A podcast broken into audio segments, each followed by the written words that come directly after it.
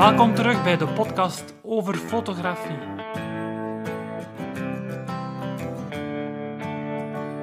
De Nederlandstalige podcast, volledig gewijd aan fotografie.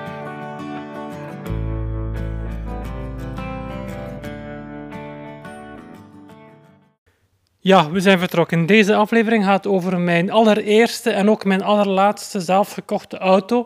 Het is misschien een klein beetje een vreemde bocht voor een podcast die over fotografie gaat. Maar er is wel degelijk een verband met fotografie. Uh, dus uh, in die zin denk ik dat ik deze er wel kan tussen schuiven. Plus, ik was eigenlijk al begonnen met een video er rond te maken, omdat ik uh, in Italië op reis was en daar gebeurde.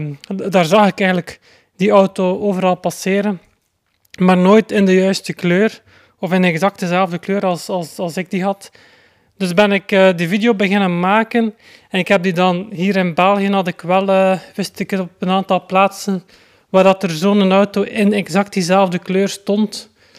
En dan ben ik daar ook beginnen opnemen om, een, uh, om iets visueel er rond te maken. Maar ik had eigenlijk bij lange niet genoeg beeldmateriaal om heel het verhaal wat ik wil vertellen te kunnen vertellen. Dus bij deze breng ik het ook via de podcast. Um, maar we zullen dus beginnen bij onze reis in Italië waar uh, dit gebeurde. Ze rijden hier al zot. Met kleine autootjes. Mijn allereerste auto was een Fiat Punto. Ik zal zien, als ik hier straks een Fiat Punto vind, model dat ja, en hier leg ik eigenlijk uit dat ik, eh, als ik een Fiat Punto vind, dat ik de nodige uitleg zal geven rond mijn eerste auto. Maar hier ben ik terug in België en hier weet ik, eigenlijk op een korte afstand van elkaar staan hier twee Fiat Punto's in juist exact diezelfde kleur als dat ik die had. Dus dit is een Fiat Punto in de kleur soort van babyblauw. In de kleur waarin ik hem had. Het was ook een vijfdeur, dus eigenlijk zo goed als identiek aan deze. Volgens ik het mij herinner, heeft deze wel een, nog een iets recenter uh, neus van voor een facelift gehad. Maar verder is die, uh, is die wel identiek. Ik had die zelf gekocht, tweedehands, als ik het mij goed herinner, voor iets van 4500. Het was een um, 2 liter um, turbo diesel, een vrij zware motorisatie met een trekhaak. En omdat dat waren mensen die er ook mee een caravan trokken. Maar dus een heel, uh, op zich in, in België werd die toen vooral verkocht als goedkoop alternatief voor de, de Golf en, en dergelijke familiewagens, vijfdeurs. De prijs nieuw was vanaf 9000. De versie die ik had was iets duurder met uh, wat extra features en denk aan zo een, uh, hoe heet dat, een sunroof en dergelijke meer. Nu tegenwoordig zijn er genoeg alternatieven van uh, uh, Japanse en Koreaanse en noem maar op andere merken. Maar ik had die auto dus als eerste auto bij mijn eerste job tweedehands aangekocht. En uh, ik had die eigenlijk niet zo heel veel nodig, want ik woonde en werkte toen nog in dezelfde stad, Gent. Ook uh, voor de dochter naar school was in dezelfde stad. Alles was binnen fiets- en wandelafstand, dus ik deed ook goed als alles met de fiets. Ik gebruikte die eigenlijk bijna alleen maar voor boodschappen te doen, voor de koffer dus. En uh, om naar uh, mijn ouders en familie op bezoek te gaan, voor de langere afstanden te overbruggen. Maar dus was ik wel ook na, ja, na een goed jaar was ik zo wel uh, aan het kijken van wat kost mij dan nu eigenlijk die auto. En dan was ik er toch wel van verschoten als ik alle kosten optelde. Zijn de, uh, de afschrijving over vier jaar van de aankoopprijs, de tax, uh, jaarlijkse wegentax, de inschrijving, het onderhoud, de banden, de brandstof en andere slijtageonderdelen. De verzekering ook niet goedkoop als als jonge werkende mens, dan kwam ik maar liefst uit op een bedrag van 700 euro per maand. Daar kun je de dag van vandaag een, redelijke auto voor leasen. Ja, dan heb je natuurlijk ook nog altijd die verzekering en, dergelijke meer nog niet. Maar toch, dat was een serieus bedrag. Een veel te groot bedrag naar mijn goesting. Dus was ik al aan het kijken om die te koop te zetten. Maar dezelfde dag nog dat ik beslist had om die weg te doen, moest ik s'avonds nog ergens zijn voor een, uh, een optreden waar ik foto's had beloofd van te gaan maken. Dus ik nam mijn uh, Nikon F80 erbij, zette die naast mij uh, op de passagiersstoel, ben vertrokken. Het was avond, het was laat, het was donker, het was zo een klein beetje aan het regenen. Pas op, dat is blijkbaar zo het moment dat het begint te regen, regen is vaak gevaarlijker dan, dan echt volle regen. En uh, ik reed op zo'n klaverblad waar, om te wisselen tussen de E17 en de E40 in Gent, voor de mensen die die buurt kennen. En daar uh, verloor ik plots de controle over het stuur. Wel nee, zo is het niet gegaan. De auto is plots beginnen slippen, stond plots dwars op de weg. En op het moment, ik weet nog dat ik, dat ik besefte dat ik dwars op de weg stond, dat hij weggeslipt was. Ik heb nog proberen corrigeren, maar op dat moment, allee, tegensturen, dus maar op dat moment was ik al met de zijkant tegen zo'n betonnen um, vangrail. Eigenlijk zo'n betonnen blokken aan de zijkant om de auto's op te vangen. Zodat ze er niet zouden uh, afrijden.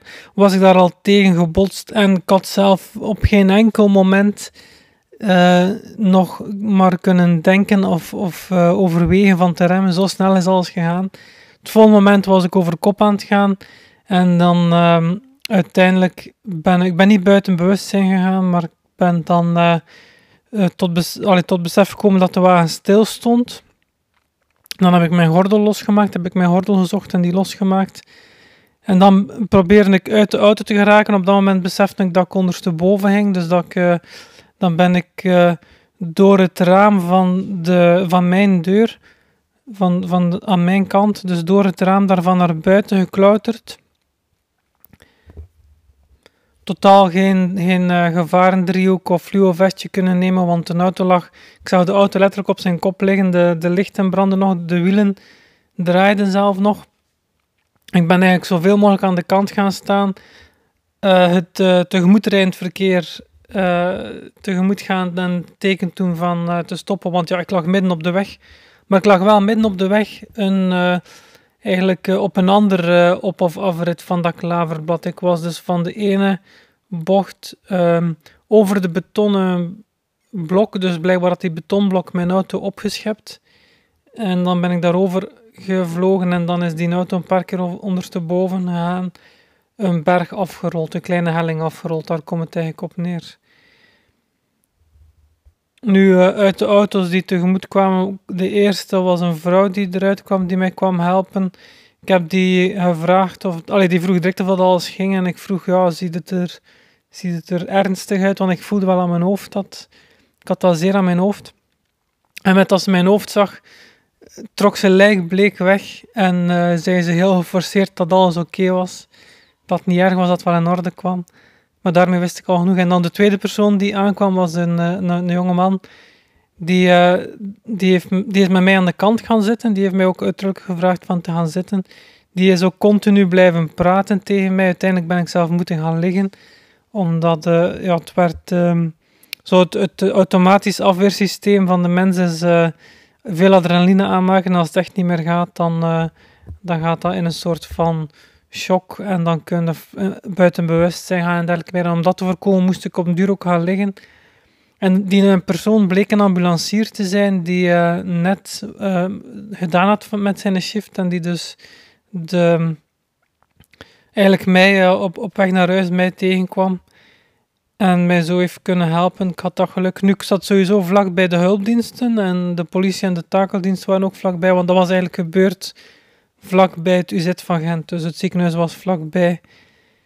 Dus iedereen was snel ter plaatse. Ik weet nog dat de agent mij ook vroeg of ik snel reed. En toen dat ik zei dat ik eigenlijk uh, zeker niet sneller dan de maximum toegelaten 70 km per uur zei hij ook van ja, inderdaad ik moest je sneller gereden zijn, dan zou het u niet meer kunnen vragen, zou het ons niet meer kunnen vertellen.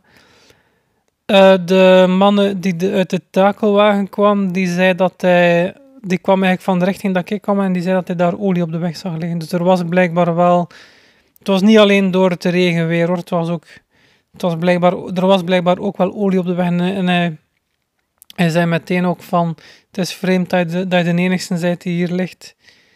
Er zullen er, uh, dat moet dringend opgekuist worden. Daar is de wegpolitie ook mee aan de slag gegaan. Dan uh, ben ik uh, dus geholpen in de ambulance om naar de spoed te rijden. En de, de, de vrouw die mij eerst zag, is mij nog mijn fototas met mijn Nikon F80. Daar zat de 15 mm 1.8, een heel eenvoudige prime lens op. Maar dat was mijn enige camera, een analoge camera nog voor die tijd. Maar een goede camera. Die is mij die tas nog komen geven. En ik heb dan achteraf in het ziekenhuis, of als ik thuis was eerder, ook al kunnen, als ik aan de eerste keer keek naar die camera, bleek dat die camera in orde was, daar was niks aan. Ik heb die camera nog altijd. Ik heb problemen met die camera, maar dat is uh, de, de rubber um, afwerking, anti-slipmateriaal van de, van, ja, die eigenlijk over heel de camera zit, is uh, verstorven en dat is een plakkerige boel. Ik heb uh, daarvoor, om dat op te lossen, heb ik een aantal, ik heb dat afgeschuurd en met plastic diep opnieuw uh, een grip opgezet en zo. Ik heb zelf ondertussen voor 20 euro ook nog een nieuwe F80, een recentere F80 gekocht nog. Maar vandaag gaat het over die auto. Dus uh, die auto lag ondersteboven, was duidelijk volledig afgeschreven. Eigenlijk op het moment dat ik beslist had van die weg te doen, heb ik die ja, per ongeluk totaal los verklaard gekregen. Ik zelf lichamelijk, mijn hoofd was geschonden, was geschaafd, heb ik een paar dagen met verband moeten lopen. Maar voor de rest was enkel mijn knie wat gekneusd, maar had ik, eigenlijk, ik had eigenlijk echt bijzonder weinig kreeg al snel een uh, factuur van uh, de takeldienst en de politie. De takeldienst ja, voor het takelen van de auto natuurlijk, wat ik ook wel begrijp. En dat is in ieders belang dat die auto zo snel mogelijk daar weggehaald wordt. De factuur van de politie was van... blijkbaar had ik in die rolbeweging met de auto ook een verkeersbord. Ik denk zelf dat het een anti-slip verkeersbord was, maar wel van de, van de weg beneden. Geval niet van de weg waar ik op reed. Dat had ik blijkbaar meegenomen in mijn val, dus dat was beschadigd. Ik geloof dat het 400 euro was of zo, om dat te laten herstellen of voor een nieuw bord. Ik weet niet wat ze daar juist mee doen. Maar dus daar had ik een factuur van, plus de, de takelen. En bij, de, bij het bericht van de takeldienst stond ook duidelijk dat ik zo snel mogelijk die auto moest gaan ophalen, omdat die daar in een depot met allemaal ja, uh, auto's die in een ongeval zaten, die getakeld zijn, allemaal getakelde auto's. Dus ja, waarschijnlijk ook fout parkeerders en zo. Dus dan moest ik die zo snel mogelijk gaan halen. Dan kwam ik daartoe. Dan hebben ze daar wel, vind ik, uh, nog misbruik van heel de situatie gemaakt. Ik veronderstel dat dat hun tactiek wel een beetje is. Ik kwam erop neer, uh, die auto stond daar en uh, ik kon kiezen ofwel um, betaalde ik 700 euro extra voor, um, voor de dagen, dat waren twee dagen denk ik of zo dat hij daar gestaan had. En dan, was hij, dan kon ik hem terug om, om die vrij te geven of zoiets. Dat was een, een bedrag dat ik moest betalen om die vrij te geven. Maar dan moest ik dus zelf nog een, een, takel, een manier vinden om die te takelen. Of opnieuw die takeldienst laten betalen. Plus waar ga ik hem zetten? Ja, ik kon die op mijn oprit zetten. Waarschijnlijk ging ik dan wel... Allee, had ik hem, denk de interessantste optie toen op, dit, op dat moment... was sowieso geweest van ergens een uh, remorque te kunnen regelen, die daarop te zetten, zelf naar huis te rijden, thuis er alles afstrippen, uh, naar Toudijzer doen wat ik naar, naar kon doen, had ik al gemakkelijk die 700 euro terug volgens mij, alleen al voor, het gewicht van het wrak. Maar goed, ja, op die moment uh, denk je daar niet aan en uh, denk dat ze daar wel een klein beetje misbruik van gemaakt hebben. Ze, het kwam er eigenlijk op neer dat ze zeiden van als je hem hier laat, als je, als je tekent dat je, dat afstand doet van je auto, dan laten we die factuur van 700 euro vallen. En dan, dan zij er vanaf. Dus ja, op die moment heb ik mij wel laten vangen. En heb ik dat getekend. Dus zo heb ik afstand genomen van mijn eerste en laatste auto. als ik hem daar uh, zag, bleek trouwens ook dat enkel de airbag van de niet, niet van de bestuurder, dus niet waar ik zat, maar van de passagier. Dus van de andere kant, enkel die airbags waren afgegaan, want ik had wel airbags. En dat moest zijn omdat bij het, uh, het um, het dwars op de weg liggen is hem eigenlijk eerst met de andere kant, met de passagierskant, tegen de, blot, tegen de, de, de betonblokken opgebotst. Waardoor dat je dus uh, daar de eerste impact krijgt en alleen daar de airbags afgaan. Dan, uh, ja, daarna heb ik eigenlijk nooit meer een auto gekocht privé. Ik heb uh, daarna alleen nog maar firmawagens gehad. En zelfs nu nog, dat ik, ik ben al een paar jaar, meerdere jaren zelfstandig zijn de auto's die ik nog koop ook allemaal op de firma, nooit meer op privé. Dus dat is eigenlijk mijn eerste en mijn laatste auto geweest. Tot daar het verhaal van de Fiat Punto, mijn eerste en laatste auto. Zo, dat was het weer voor deze aflevering van de podcast over fotografie. Allemaal bedankt om te luisteren. Ja, als er vragen zijn, dan uh, mag je die altijd of opmerkingen of uh, voorstellen van bepaalde onderwerpen of suggesties, wat dan ook. Je mag die allemaal doorsturen via e-mail naar hans.hcpl.be. Dus Hans is mijn voornaam. HCPL spel je Hotel Charlie Papa Lima en .be is uh, de domeinnaam voor België. Dus uh, altijd welkom. Ik doe mijn best om alles te lezen en te beantwoorden en indien mogelijk verwerk ik natuurlijk ook alles graag in de podcast. En dan zal ik je naam zeker, je voornaam zeker vermelden. Dus uh, tenzij dat je natuurlijk vraagt om anoniem te blijven. Dus dat was het voor deze aflevering. Bedankt voor het luisteren en graag tot de volgende.